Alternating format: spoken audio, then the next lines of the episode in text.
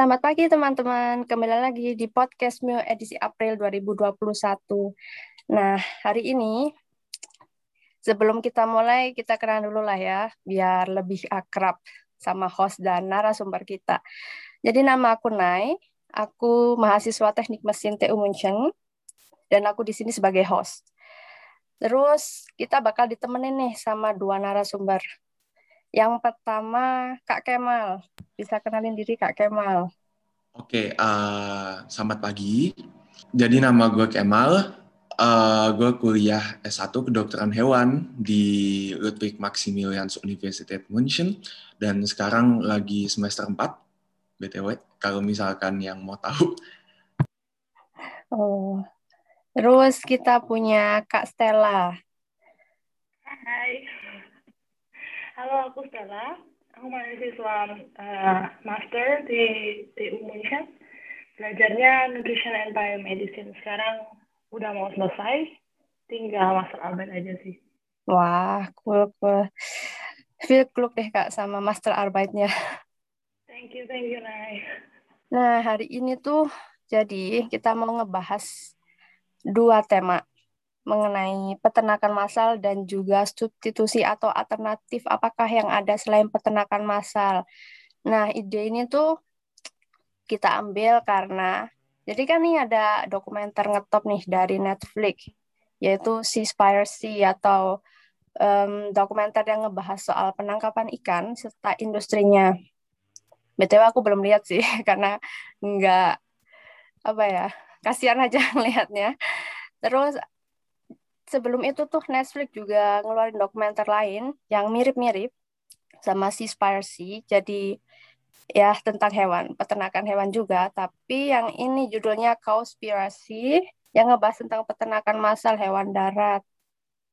Nah makanya gitu um, kita hari ini mau ngebahas lah hal-hal yang um, mendekati atau hal-hal tentang peternakan. Nah yang pertama kita tanya-tanya dulu deh ke Kak Kemal. Kan Kak Kemal calon veterinarian nih. Ah iya, thank you banget tuh. iya nih, feel gluk juga ya. Jadi, ah iya, makasih makasih. Nah, pertanyaan buat Kak Kemal. Karena kita kan sedang bahas peternakan nih, peternakan hewan. Pasti kepikiran dong banyak orang yang kepikiran aku juga sih sebenarnya. Gimana sih manusia tuh bisa ketemu ide buat ternak hewan? Oke deh kita ternak hewan deh sekarang. Sapi lah. Kan peternakan tuh udah ada berabad-abad ya. Nah asal usulnya tuh gimana sih kak? Bisa dijelaskan? Oke. Uh, jadi peternakan hewan ini dan umat manusia ini kita mulai menternak hewan dan agrikultur sebenarnya by extension. Karena namanya kita menternak hewan kan pasti kita butuh uh, menumbuhkan pangannya ya minimal ada tumbuhan dulu lah. Mm-hmm. Jadi itu berawal dari zaman batu muda. Itu manusia pertama kali belajar caranya agrikultur tumbuhan, terutama dimulai dari tumbuhan-tumbuhan yang diambil buahnya dulu. Uh, domestifikasi hewan itu awalnya pertama dari anjing. Uh, anjing itu dulu asalnya dari serigala abu-abu kalau nama latinnya, kalau misalkan kalian mau tahu, uh, Canis lupus. Dan kenapa sih mulainya dari serigala yang jadi anjing gitu? Karena dulu itu gunanya buat berburu. Dan setelah manusia juga mulai belajar untuk hidup menetap, lama-lama kan manusia tuh nggak bisa berburu tiap saat gitu kan, kalau misalkan hidup menetap. Makanya di saat itulah uh, manusia juga mulai belajar bagaimana sih caranya kita menternak binatang untuk makanan? Nah, pertama itu awalnya dari babi. Babi itu dulu domestifikasinya asalnya dari babi hutan, sus crova, nama latinnya. Dan akhirnya setelah babi larinya ke domba dan kambing, dulu asalnya dari nama hewannya kalau dalam bahasa Jerman hewan liarnya Asiaticus muflon atau nama latinnya Ovis orientalis. Dan terakhir itu ke sapi. Nah, sapi ini dulu asalnya tuh dari spesies nenek moyangnya yang sekarang sebenarnya banyak peneliti yakin udah punah sih. Namanya Aurochs atau nama latinnya Bos primigenius. Jadi itulah sejarahnya, gimana sejarah singkatnya gimana manusia itu menerapkan ide agrikultur binatang. Ah, oke. Okay. Jadi ya. itu pertama pertanian lah ya kalau kita bilang tuh iya. awalnya. Yeah. Nah, terus peternakan. Oke. Okay. Wow, itu panjang banget sih ceritanya. Tapi itu step-stepnya kayak terstruktur nggak sih dari kayak dari babi terus sapi gitu kan? Iya. Dan yang memang masih challenging dan masih diakalin lagi gimana caranya itu adalah ikan. Nah, yang itu tuh kita masih uh, kita manusia tuh masih belum bisa full bagaimana menerapkan peternakan ikan dalam skala yang industrial yang benar-benar gede banget. Kan kita udah tahu nih kalau misalkan di Indonesia atau di negara-negara Asia pada umumnya kita sering lihat tambak kan, terutama buat ikan-ikan air payau gitu, air campuran macam bandeng dan lain-lain gitu kan. Hmm. Tapi kita umat manusia itu masih belajar gimana bisa menerapkan yang kayak gini dengan dalam skala yang lebih besar gitu. Uh, Oke. Okay. Jadi kebanyakan kita ikan tuh kan masih nangkep dong. Iya, penangkapan liar lah ya. Ya. Mhm, oke deh Kak. Wow, informatif sekali. Nah, pertanyaan dua nih Kak. Kan kalau kita lihat peternakan di Jerman, itu kan sistemnya bagus ya. Kalau aku bisa bilang tuh bagus banget. Terus misalnya kalau kita beli sebuah produk daging misalkan, itu di pakungnya atau di bungkusnya itu selalu tertera kayak skala-skala atau kelas-kelas. Contoh yang paling gampang sih eh, telur kali ya. Kalau kita lihat tuh pasti telur di sini tuh ada tulisannya kayak Freiland Haltung, Golden Haltung. Nah, maksud pengkategorian ini tuh apa sih kak? Um, penting nggak sih kayak gitu? Pengkategorian ini tuh sebenarnya penting, terutama kalau misalkan menjual produk ya, karena kualitas produk terutama produk-produk hewan itu juga bisa ditentukan oleh metode bagaimana hewan ini diternak itu tuh sangat-sangat berpengaruh gitu. Kalau misalkan kita belajar ilmu breeding di kedokteran hewan, itu faktor genetik dari binatang itu juga bisa dipengaruhi dari faktor lingkungan, faktor umwelt. Gampangnya tuh gini aja, faktor umwelt yang bagus, faktor lingkungan yang bagus itu bisa berpengaruh terhadap uh, kualitas produk hewan yang bagus dan juga sebaliknya gitu. Dan untuk yang Freiland Haltung sama Boden Haltung ini, terutama ini kan buat telur ya biasanya ya. Iya, iya. Dan bedanya itu kalau misalkan Boden Haltung itu dia tipe peternakannya adalah indoor full. Jadi ayam-ayamnya itu benar-benar hidup di ya indoor. Kalau misalkan Freiland Haltung ya, itu ya? kadang iya di dalam di dalam oh. stall kalau misalkan Freiland Haltung itu ayam-ayamnya masih dibiarin untuk Biden untuk keluar. Oh. Untuk okay. menikmati sinar matahari langsung di luar lah. Oke okay, oke. Okay. Jadi Borden Haltung kayak di Indo nggak sih yang ayamnya tuh taruh kan kandang terus kalau mereka bertelur ya udah ambil telurnya kayak gitu. Mirip uh, iya. sih? Mirip, okay. mirip. Tapi kalau di sini tuh kan karena bangunan-bangunannya udah modern, biasanya udah nggak pakai kayu lagi. Jadi uh, udah pakai besi gitu. Kadang gitu. ngambilnya sendiri juga udah pakai mesin. Oh, oke. Okay. Wow. Iya sih, canggih banget sih kalau di sini. Oke. Okay. Nah, kita pindah dulu deh ke Kak Stella bentar. Kak Stella, karena kita kan masih ngebahas tentang peternakan nih, Kak. Sekarang nih kalau kita lihat-lihat, veganisme itu sedang booming banget. Banyak yang uh, going vegan, jadi vegetarian lah minimal. Nah kalau menurut Kak Stella sendiri, kira-kira konsumsi daging itu sesuatu yang harus atau enggak? Uh, sebenarnya perlu, tapi nggak harus. Tapi kayak perlu dalam arti konsumsi daging itu uh, nggak usah banyak-banyak, jadi nggak usah berlebihan gitu. Jadi kayak memang sih dari uh, banyak epidemiological studies dia bilang kalau konsumsi daging kebanyakan konsumsi daging itu kita punya risiko untuk punya tekanan tinggi terus bisa sakit jantung dan bisa cancer juga gitu. Karena daging itu kan banyak mengandung lemak jenuh yang bisa meningkatkan kolesterol dalam tubuh kita gitu. Tapi sebenarnya uh, daging ini sebenarnya perlu gitu karena banyak orang yang vegan, vegetarian, mereka tuh uh, punya risiko besar untuk kekurangan vitamin B12, kalsium dan uh, apa iron, uh, zat besi gitu.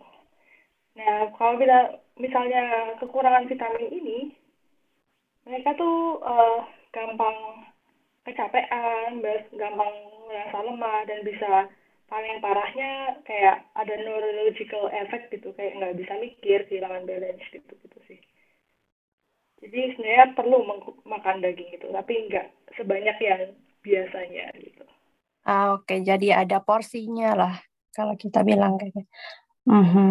terus kak sebenarnya tubuh manusia itu emang omnivore atau bukan omnivore um, aku jadi omnivornya itu kayak dari sononya tuh nggak omnivore sebenarnya terus karena zaman mungkin ya evolusi. Terus kita lah jadi omnivore sekarang. Bisa makan hampir apa saja kalau aku bilang. Bisa sayur bisa daging. Nah itu gimana kak? Menurut kakak? Menurut aku ya menurut aku sih omnivore. Maksudnya kayak kita tetap butuh daging. Karena ada sesuatu maksudnya ada nutrisi yang dari daging yang nggak bisa kita dapat dari uh, tumbuhan atau sayur-sayuran. Contohnya ya, vitamin B12 itu. Vitamin B12 itu uh, sangat penting buat uh, jaringan syaraf kita gitu. Dan itu hanya bisa didapat dari konsumsi daging. Nggak ada natural, uh, natural source of vitamin B12 dari tumbuh-tumbuhan.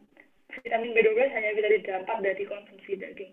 Makanya banyak orang vegetarian yang uh, kekurangan vitamin B12 ini. Dan itu kalau misalnya uh, mau go vegan atau vegetarian harus diperhatikan banget vitamin B12 bisa lewat tambahan suplemen dan lain-lain sih. Gitu. Ah oke, okay. ngerti ngerti. Oke kita balik dulu, bentar kakak Kemal ngurusin peternakan ya. lagi deh. Nah, ya. peternakan kan itu hewan-hewan yang bakal diternakin pasti mengikuti seleksi apa enggak. Jadi oke, okay, semua hewan itu enggak selalu sehat dan mungkin ada yang tidak layak untuk diternakan. Nah, menurut kakak, hewan-hewan itu bakal diseleksi atau enggak sih? Misal iya gimana sih kak? Oke, uh, jadi ya pastinya kalau misalkan hewan-hewan yang akan diternakin itu pasti diseleksi dong, terutama dari uh, pertama dari ras dulu. Nah, kenapa dari ras? Karena tuh ada yang kita bilang kalau di dokter hewan tuh predisposisi ras. Jadi satu kualitas yang menonjol yang cuma dimiliki oleh hewan dari ras tertentu gitu. Nah, dari kita tahu namanya ras ini gitu, itu kita bisa menentukan sebenarnya ras ini tuh cocoknya kita gunain buat apa ya.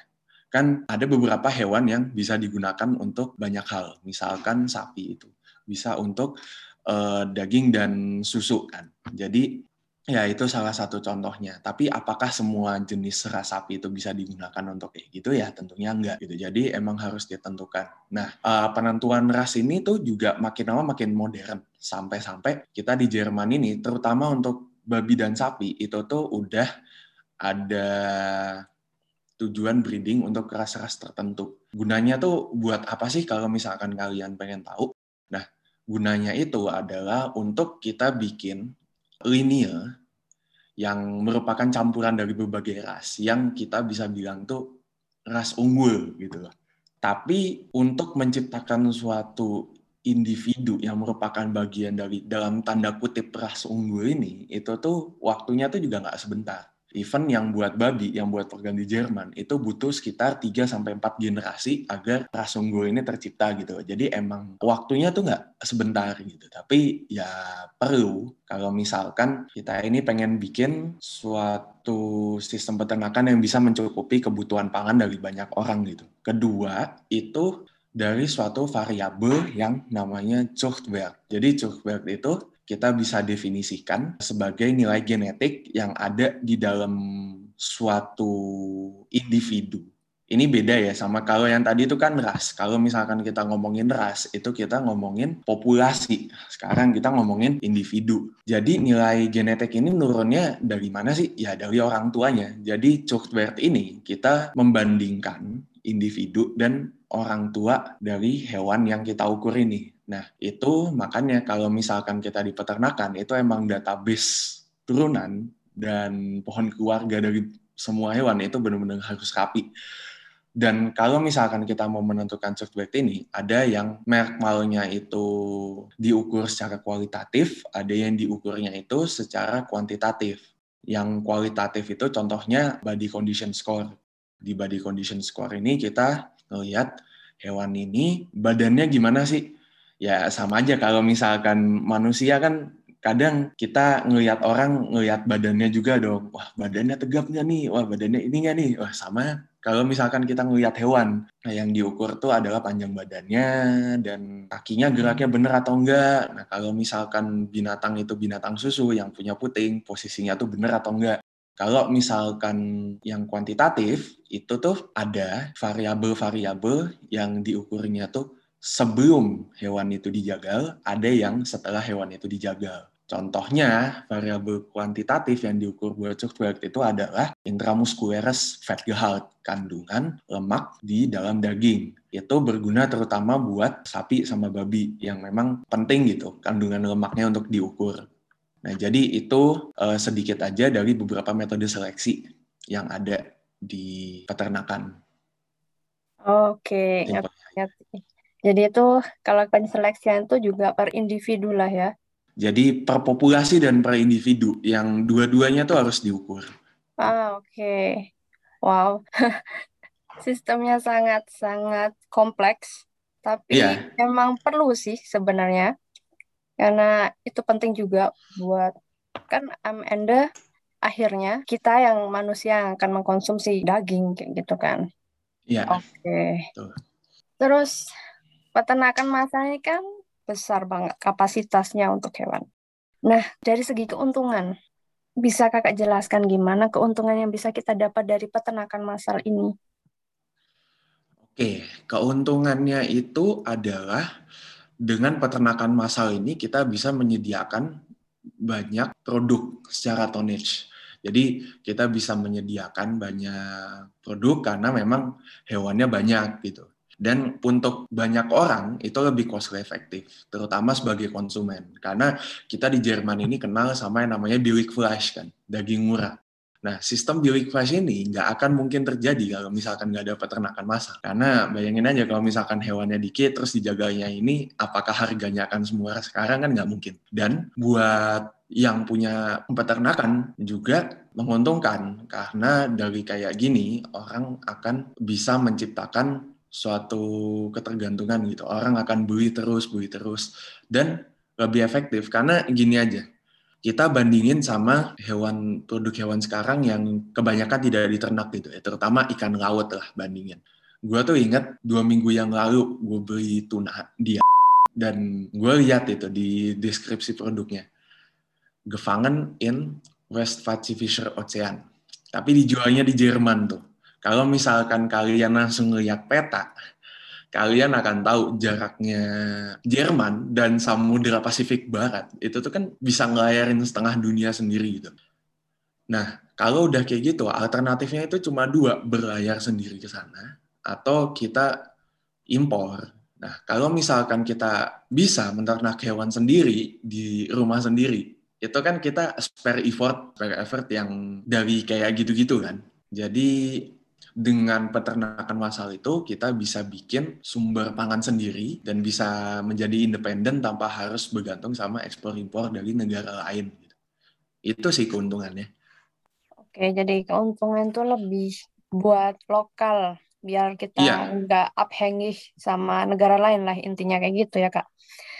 Nah terus misal kalau sesuatu itu punya keuntungan pasti ada kerugiannya dong.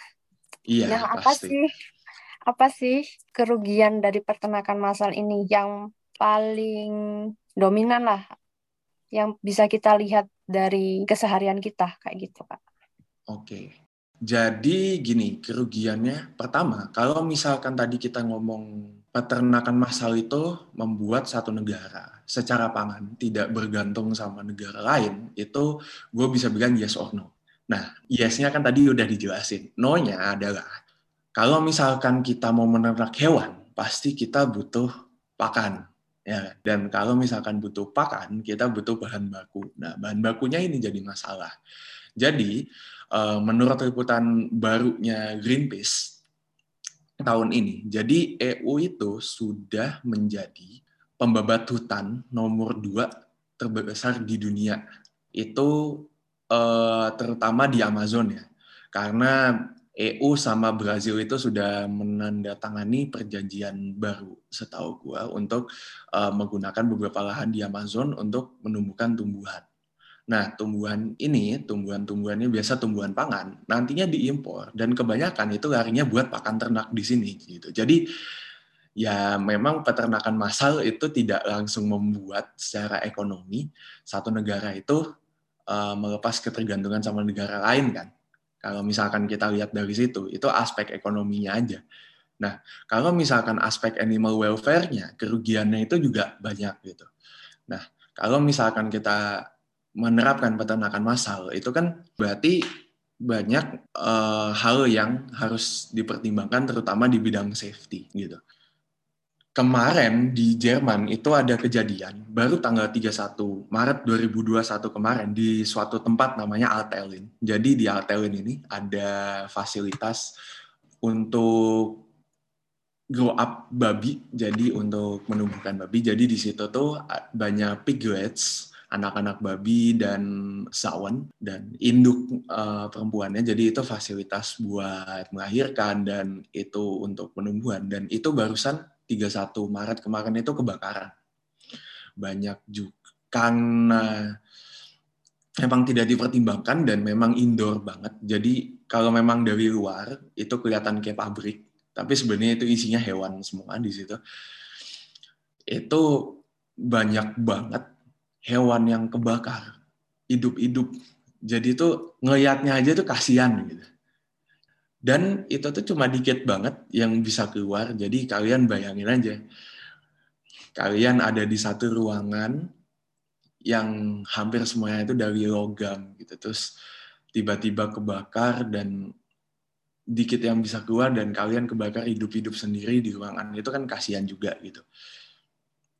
Dan ketiga, ini yang baru juga. Jadi asal kalian tahu, hewan itu juga bisa punya loh mental illness. Dan itu tuh juga berlaku juga di peternakan gitu.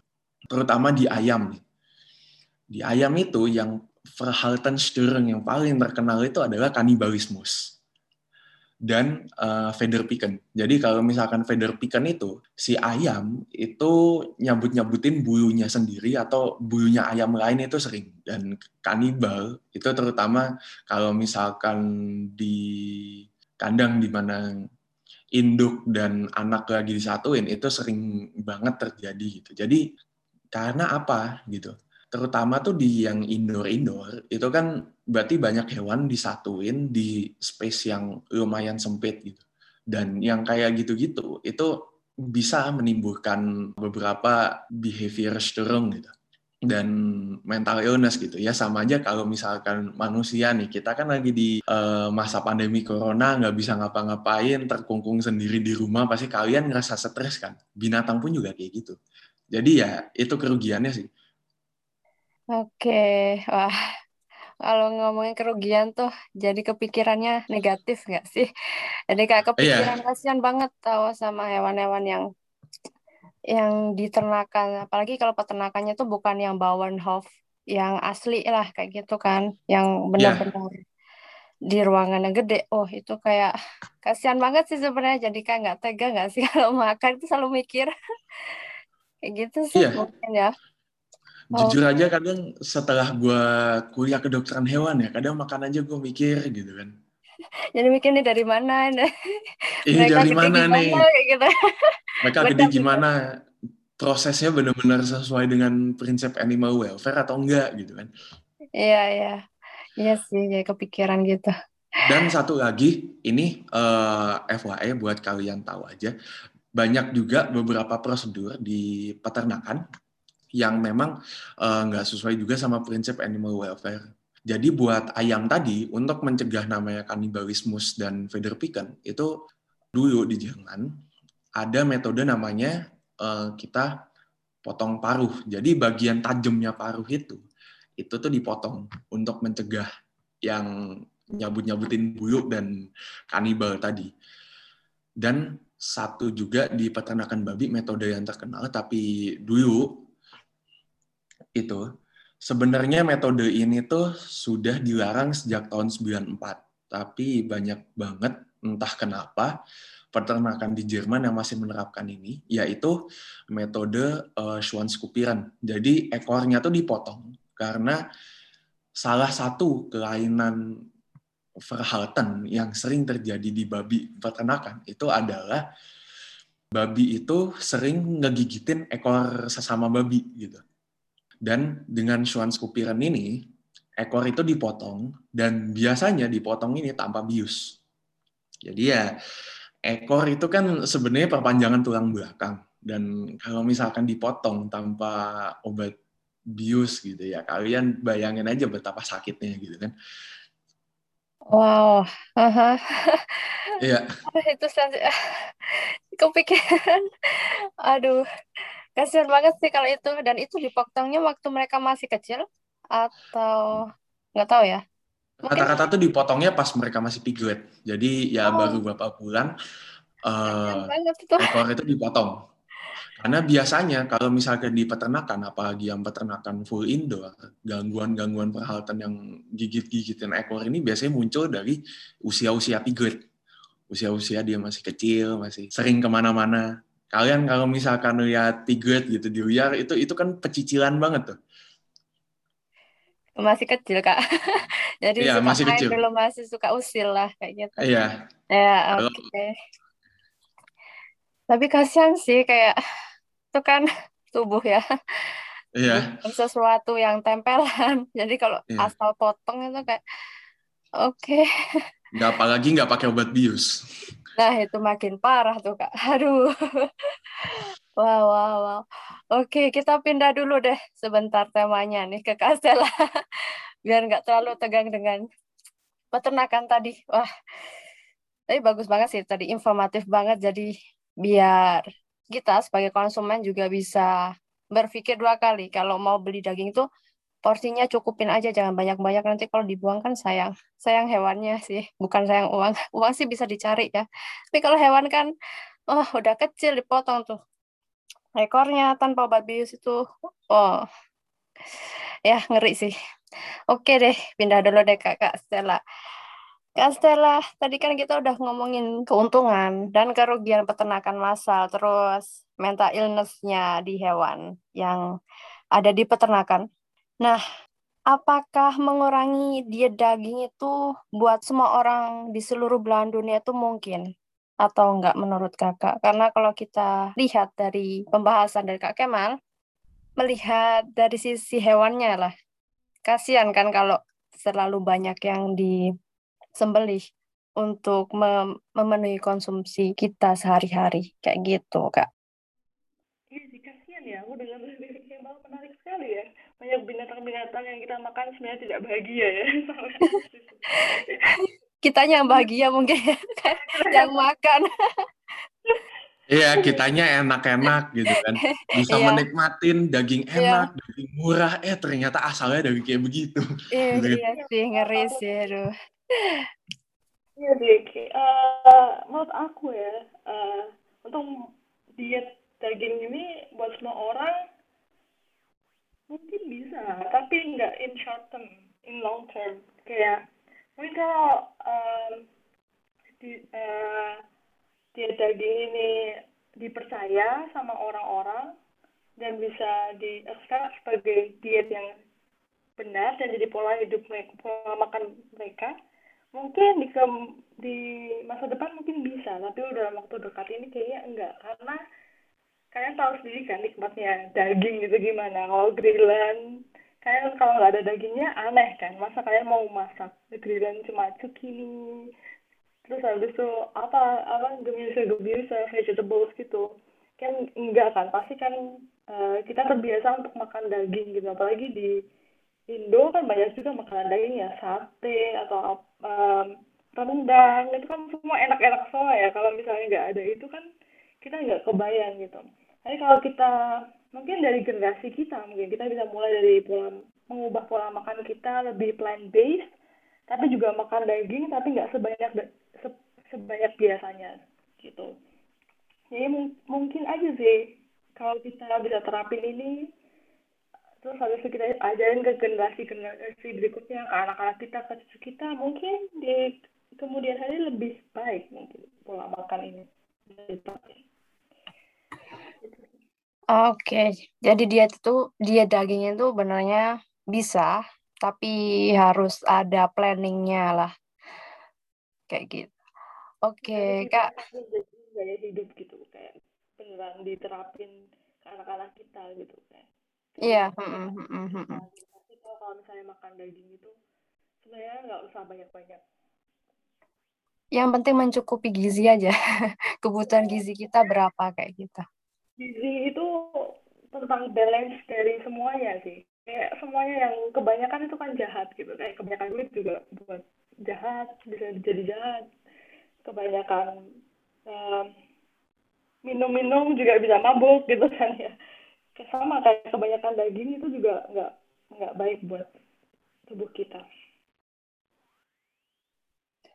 Oke hmm.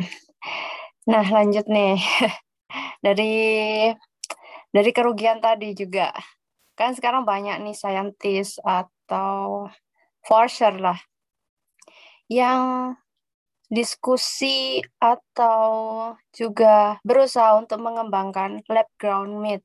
Nah, banyak kan yang sekarang ada yang dari stem cell hewan yang hanya diproduksi dari satu sel hewan jadi daging. Dan ada juga yang dari bahan-bahan seperti bulu sisa bulu-bulu ayam yang disembelih di peternakan terus mereka kembangkan di lab untuk menjadi daging atau ersatz flesh kayak gitu. Nah, menurut kakak uh, lab ground meat itu apa sih? Kalau boleh bisa dijelaskan lebih lanjut. Sebenarnya namanya udah spesifik sekali menjelaskan apa itu lab ground meat. Ini lab ground meat tuh jadi kayak uh, media yang mimik uh, um, mimik uh, kondisi di dalam tubuh hewan gitu. Jadi kayak sebenarnya kebanyakan dari stem cells terus dari muscle cells gitu. Kayak dia ditemuin di satu culture, satu media supaya nutrisinya terpenuhi dan uh, uh, sel itu akan tumbuh menjadi satu daging gitu. Tapi kan di sini kalau misalnya tumbuh begitu aja, kita belum bisa sebut itu sebagai daging. Biasanya kalau lab meat kita berusaha untuk buat um, daging yang tumbuh itu seperti daging yang sebenarnya gitu. Jadi kita berusaha dengan banyak biological signal gitu dengan bahan-bahan kimia buat supaya uh, daging yang tumbuh itu juga tumbuh jadi uh, seperti daging yang normal gitu dari teksturnya, dari warnanya, dari rasa dagingnya apakah itu mirip nggak sama uh, daging yang sebenarnya gitu? Soalnya kan lumayan sulit sebenarnya. Ini kan sampai sekarang kayaknya belum di marketed gitu. Sampai sekarang masih banyak perdebatan dari etiknya apakah itu beneran daging atau bukan. Karena daging itu kan sebenarnya asalnya dari dalam asalnya dari berasal dari tubuh hewan yang dihasilkan dari uh, pencernaan makanan-makanan yang hewan hewan um, konsumsi gitu. Jadi kan itu diproses di dalam tubuh hewan. Apakah media yang uh, dipakai untuk menumbuhkan sel culture ini itu sama dengan proses pencernaan hewan ini itu yang sampai sekarang masih sulit sih untuk di uh, ditiru gitu. Apakah media ini bisa meniru pencernaan hewan itu gitu. Jadi uh, culture eh uh, di lab grown meat itu masih di um, di resource banget sih di di di bidang aku gitu. Jadi kayak masih belum bisa maksimal gitu lab grown meat. Karena nutrisinya juga kita masih nggak tahu apakah uh, bahan-bahan kimia yang kita pakai dalam menumbuhkan sel ini di media itu itu bisa berefek nggak sama tubuh kita gitu. Terus juga aku bilang uh, media ini belum jadi uh, belum bisa sepenuhnya meniru pencernaan seekor hewan gitu. Sih sangat kompleks pencernaan seekor hewan itu. Emang mungkin bisa bantu kali. Pencernaan hewan kayaknya nggak mungkin ya di luar di kayak di culture gitu. Di kompleks banget karena jujur aja semester 2 kita butuh setengah semester cuma buat pencernaan doang. Itu itu iya. itu emang kompleksnya tuh banget gitu. Banyak bedanya banyak ininya gitu. Fisiologi dan pencernaan. Fisiologi pencernaan itu tuh salah satu yang emang paling ribet. Iya benar banget sih. Emang. Nggak bisa kayaknya med satu media merepresentasikan satu pencernaan yang kompleks yeah. gitu, gitu. Sampai sekarang sih masih susah sih buat ersatz Smith gitu. ersatz slice. Jadi bisa bilang masih dipertanyakan lah ya keasliannya lem grout yeah. meat ini. Kalau secara gizi tadi kakak bilang juga hmm, belum tahu atau belum bisa dibandingkan dengan daging yang biasa. Benar nggak, Kak? Benar, belum bisa sih. Karena daging itu um, yaitu dihasilkan dari sebuah pencernaan. Apakah dari uh, media itu cell, culture itu sama dengan pencernaan. Itu kayaknya nggak bisa dibandingkan sih. Belum bisa dibandingkan. Oke, nah ada pertanyaan menarik nih. Kalau misalkan semua orang di dunia, karena tadi kita udah menyerempet tema veganisme, nah misal semua orang di dunia berubah jadi vegetarian atau vegan, menurut kakak pola makan kita nantinya akan lebih sustainable, jadi bisa mencukupi kebutuhan kita juga, dan mengurangi kerusakan alam, atau malah nggak seperti itu, nggak seperti yang kita bayangkan. Kan vegan oke, okay, aku sayang hewan, mm-hmm. nggak makan daging kayak gitu.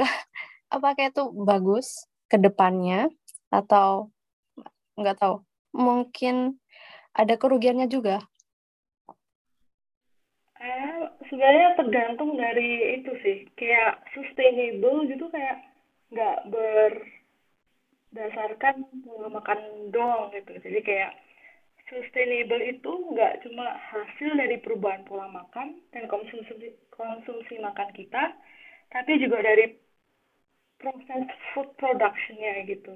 Kayak kayak mau bilang uh, kan dari peternakan massal itu, apakah peternakan massal itu um, memikirkan uh, kayak efek-efek apa sih namanya um, ke lingkungan gitu kayak biasanya kan kalau misalnya ternak ayam gitu kan kalau di Indonesia ternak ayam kayak harus jauh-jauh dari populasi maksudnya dari uh, wilayah perumahan atau gimana gitu karena biasanya nggak baik buat lingkungan gitu kan. Itu juga harus dipikirin jadi kayak mungkin perubahan pola makan bisa jadi salah satu uh, salah satu cara supaya kita lebih sustainable. Tapi kita harus juga pikirin dari konsum uh, dari produsen gitu dari produsen makanan itu. Gimana mereka membangun sistem yang baik untuk produksi makanan. Karena kalau misalnya pertanian yang tumbuh-tumbuhan yang bukan peternakan yang itu tuh juga harus dipikirin gimana mereka mengolah lahan suatu pertanian gitu. Banyak banget um, kayak di Indonesia lahan-lahan yang sudah dipakai buat pertanian terus habis itu lama-lama udah nggak subur lagi kayak udah nggak bisa menghasilkan sayur-sayuran atau tumbuh-tumbuhan yang kualitasnya baik gitu. Jadi kayak harus dipikirin juga dari pengolahan lahannya supaya uh, juga umum friendly dan itu juga um, yang harus pakai pupuk yang enggak mencemari tanah juga karena banyak pupuk yang ada apa ya fosfor sama nitrogen kalau nggak salah karena aku bukan dari Agriwissenschaft itu yang juga bisa bikin tanah itu makin nggak subur gitu. Juga proses pengairan dari pertanian itu juga sangat penting kan. Dan pertanian itu juga termasuk dalam, misalnya kayak uh, menggunakan air bersih lumayan banyak gitu. Jadi kayak itu kan juga nggak sustainable kalau kita nggak pikirkan dari gimana makanan itu diproduksi, juga sayur-sayuran itu diproduksi gitu. Yang ketiga juga sustainable food system itu nggak cuma pola makan, jadi nggak cuma gimana kita produksi makanan itu, tapi juga dari food loss atau food waste gitu. Kayak kita bisa kurangin, tapi kalau misalnya uh, makanannya nggak habis atau gimana kan juga nggak sustainable gitu. Kalau misalnya di apa namanya di supermarket kita nggak beli, memang kita nggak banyak konsumsi daging atau gimana, terus habis expired, itu juga nggak sustainable gitu. Jadi kayak banyak faktor sih yang bisa uh, menentukan apakah kita lebih sustainable atau enggak gitu. Jadi bisa ada tiga faktor itu sih. Jadi yang pertama tadi pola makan, terus juga sistem yang baik untuk food productionnya, terus juga kurangin food waste dan food loss itu. Jadi dari konsumer sampai produsen semua bertanggung jawab untuk sustainability gitu. Oke, jadi nggak hanya untuk mereka yang vegan atau vegetarian, tapi juga buat kita. Jadi diri kita sendiri lah ya untuk mencapai sustainable ini, kayak gitu, di pola makan dan konsumsi kita juga sehari-hari. Oke, nah balik lagi nih ke Kak Kemal. Uh, dari banyak banget tadi informasi, Kak. Di media media sosial sekarang kan banyak banget ya narasi-narasi tentang peternakan massal menurut Kak Kemal akurat nggak sih narasi-narasi ini atau cuma konspirasi lah kalau aku bisa bilang kayak gitu. Oke, jadi uh, sebenarnya nih kalau misalkan kita ngomong akurat atau enggak, uh, gue pengen ngejelasin aja. Jadi uh, kalau misalkan kita nonton dokumenter atau ini kita tuh nggak bisa mengharapkan uh, full accuracy karena itu tuh juga bergantung sama sisi budaya, sisi sosial juga. Kalau misalkan contoh aja yang bikin dokumenter tentang ini orang barat gitu kan, mungkin ngelihat halal syarahtung, orang itu akan halal syarahtung itu penjagaan hewan secara halal ya. Orang ini mungkin akan, hah kok bisa gini? Terus akan dini, tapi kan komunitas muslim yang ini juga akan bilangnya beda lagi gitu. Jadi harus dilihat juga, terutama itu. Yang gue senang dari dokumenter-dokumenter ini adalah uh, banyak orang yang jadi aware karena dokumenter ini. Contoh aja karena Cowspiracy sama Seaspiracy banyak orang yang akhirnya tahu tentang dari mana sih makanan mereka tuh berasal gitu dan orang akan jadi lebih hati-hati, iya, itu benar.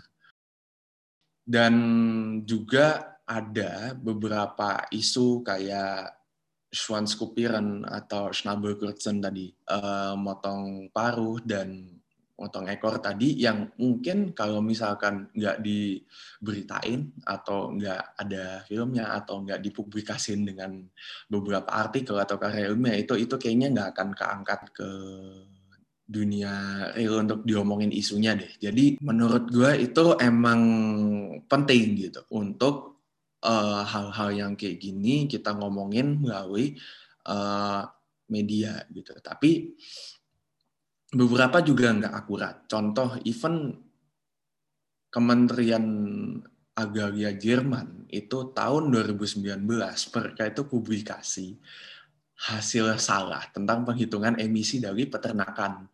Mereka sempat ngitungnya tuh ternyata hasil hitungan mereka lebih tinggi daripada yang ternyata realnya kayak gimana. Jadi uh, kayak gitu. Dan even kalau misalkan kita ngelihat dokumenter-dokumenter baru ini juga banyak data-data yang tidak sesuai gitu. Contoh, Seaspiracy gitu Nah, si Spires itu kan bilang kalau bycatch dari penangkapan ikan itu banyak dan banyak bycatch itu adalah hewan-hewan ikan-ikan liar macam hiu dan pari. Ternyata tuh enggak. Jadi bycatch dari penangkapan itu adalah ikan-ikan juga yang dalam hitungan bisa dikonsumsi. Tapi memang bukan tujuan utama penangkapan gitu. Jadi misalkan aja kalian mau ngejaring tuna gitu, tapi yang ketangkep ikan-ikan juga lain macam kakap atau apa-apa gitu yang memang bukan tujuan penangkapan tapi suar bisa dijual gitu. Jadi memang dokumenter-dokumenter ini tuh banyak juga bahasa-bahasa mereka yang mesti dibetulin gitu dan fakta-fakta mereka juga yang mesti dibetulin. Nah, sikap apa sih yang kita harus punya gitu dalam menilai info-info kayak gini? Nah, yang kita harus adopsi adalah kita tuh kalau misalkan iklan tentang baik dari dokumenter-dokumenter yang kayak gitu atau iklan-iklan tentang Buick Flash yang cruelty free atau apa-apa, kita tuh harus kritis. Jangan cuma dikasih ikan atau dikasih apa tuh nelen doang gitu. Minimal tuh kita coba uh, do your own research. Uh, coba bikin riset sendiri, coba cari tahu ini sebenarnya simbol ini tuh artinya apa sih? Ini sebenarnya uh, sistem klasifikasi ini tuh artinya apa sih? Dan uh, dari kayak gitu kita tuh bisa bikin kebiasaan gitu. Kita tuh harusnya makan kayak gimana? Menurut gue sih gitu. Wah, oke okay, Kak. Wow, itu sangat bermanfaat informasinya. Iya sih, kalau kita lihat ada juga yang informasi pasti ada yang benar, tapi ada juga yang pasti salah atau tidak. Lur, hmm, kalau aku bilang apa ya, nggak 100% benar, karena mungkin juga human error juga pas pas ambil sampel di lapangan kayak gitu. Nah, kan Kak Kemal itu calon dokter hewan. Pastinya isu animal welfare itu kan penting banget. Hmm, bukan cuma untuk kedokteran hewan sih, pasti buat banyak orang juga, buat aku juga. Kita aware banget dengan animal welfare. Nah, sebagai konsumen, kira-kira langkah apa yang bisa kita lakukan untuk mengurangi kerugian yang ditimbulkan dari peternakan massal tadi lah atau dari konsumsi daging hewan di keseharian kita kayak gitu.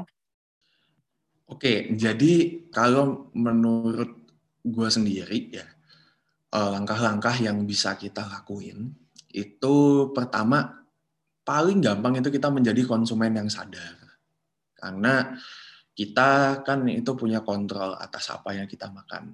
Jadi benar kata Cistela tadi, memang kita tuh kalau misalkan dalam makan memang harus seimbang.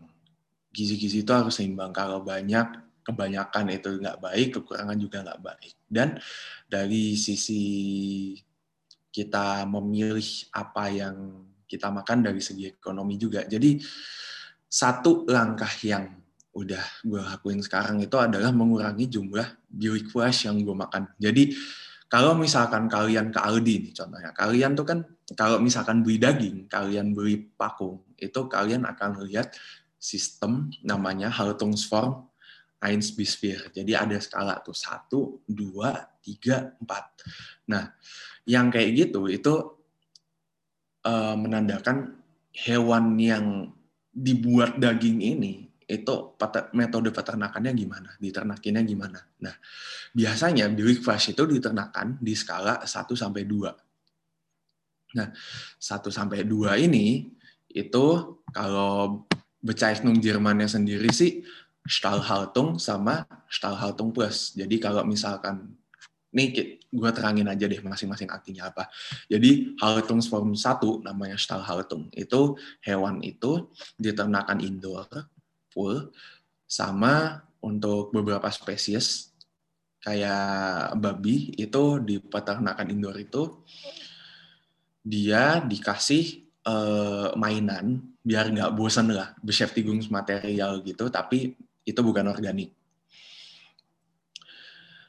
Dan ini kalau misalkan di atom storm 1 itu luas per individu hewannya itu yang paling kecil. Kedua, itu Stahlhaltung Plus. Jadi, kalau di yang kedua ini, dia peternakan yang masih indoor, tapi buat mainan hewannya itu sudah organik. Jadi di sini animal welfare-nya lebih karena mainan organik itu kan lebih tidak mengakibatkan luka terhadap hewan. Ketiga, itu ausen kelima. Jadi kalau misalkan ausen kelima, dia itu masih indoor, tapi ventilation system di peternakan itu tuh lebih banyak. Dan juga ada mainan organik tadi yang gue udah bilang, dan luas per hewannya itu tuh minimal 30% lebih dari yang ditulis di hukum. Jadi di sini udah lebih bagus nih. Yang keempat itu Haltungsform Premium. Jadi kalau yang premium ini itu yang benar-benar buat hewan sendiri wah lah In, indoor tapi kadang juga ada waktu buat mereka untuk widen untuk keluar dan luas per hewannya sendiri itu dari 60% sampai 100% dari yang ditulis di hukum. Jadi mereka tuh serasa ya bandingannya relatifnya dari yang Haltungsform 1 serasa nginep di kamar suite hotel bandingin sama kamar inilah kamar hotel bintang satu lah. Jadi uh, begitu. Nah, Bilik Flash itu asalnya dari Haltungsform 1 2 dan kalau misalkan kemarin gue sempat lihat akun Instagramnya Greenpeace Deutschland, jadi untuk kita mensupport industri hewan yang lebih pro terhadap animal welfare, belilah daging yang bio, yang asalnya dari Haltungsform 3 sampai 4. Iya sih lebih mahal. Tapi dengan kayak begitu, kita bisa lebih support industri hewan yang lebih pro terhadap animal welfare gitu dan kita bisa melakukan sedikit andil terhadap animal welfare sebagai konsumen gitu. Wah, sangat informatif. Nah, dari podcast hari ini tuh kita belajar banyak banget nggak sih? Dari yang backgroundnya peternakan sampai ngobrolin vegan, terus animal welfare, itu kayak jadi kita lebih banyak input untuk berpikir lah ya. Untuk kalau misalnya kita belanja tuh jangan asal ambil aja tapi dilihat juga itu dari mana. Karena kalau aku bisa simpulkan sih nggak semuanya itu memenuhi kriteria atau ya memenuhi kriteria tapi kasihan hewannya seperti yang dibilang Kak Kemal tadi kayak uh, babinya masih baby masih kecil-kecil udah dipotong ekornya biar nggak saling gigit ekor terus ada ayam yang dipotong paruhnya nah itu kan kita sebagai konsumen sendiri tidak bisa melihat secara langsung gimana sih ini hewan-hewan sebelum mereka disembelih itu diternakan di tempat tempatnya gimana, terus mereka dibesarkan di mana. Jadi kalau aku bisa bilang di sini ya konsumsi daging itu jangan terlalu banyak seperti Kak Stella bilang tadi. Cukupin aja. Biar kita juga nggak membuang daging sia-sia. Kasihan hewannya. Terus untuk jadi vegan vegetarian itu sebenarnya pilihan sendiri. Cuma jangan lupa kita juga butuh beberapa vitamin yang nggak bisa didapatkan dari um, tumbuh-tumbuhan dan itu hanya bisa didapatkan dari hewan. Nah, terima kasih deh buat dua narasumber kita hari ini. Wow, terima kasih atas waktu dan kesempatannya. Informasinya sangat-sangat sangat membantu. Kita Sama-sama. jadi bisa belajar, kita bisa belajar banyak banget tadi. Sebenarnya aku banyak belajar sih tadi juga kayak Oh, oke. Okay. Jadi kalau beli telur tuh jangan asal ambil juga, jangan nama asal ambil yang murah lah ya. Daging juga kayak gitu. Karena ya di Jerman murah-murah sih masalahnya. Ah, tapi itu sih. Um, populasi hewan ternak itu emang banyak. Cuma untuk memenuhi uh, konsumsi kita sehari-hari juga bukan berarti kita harus melupakan bahwa hewan itu besar hanya untuk disembelih kayak gitu. Oke deh teman-teman, terima kasih sudah mendengarkan podcast kita hari ini dan sampai jumpa di podcast selanjutnya. 早。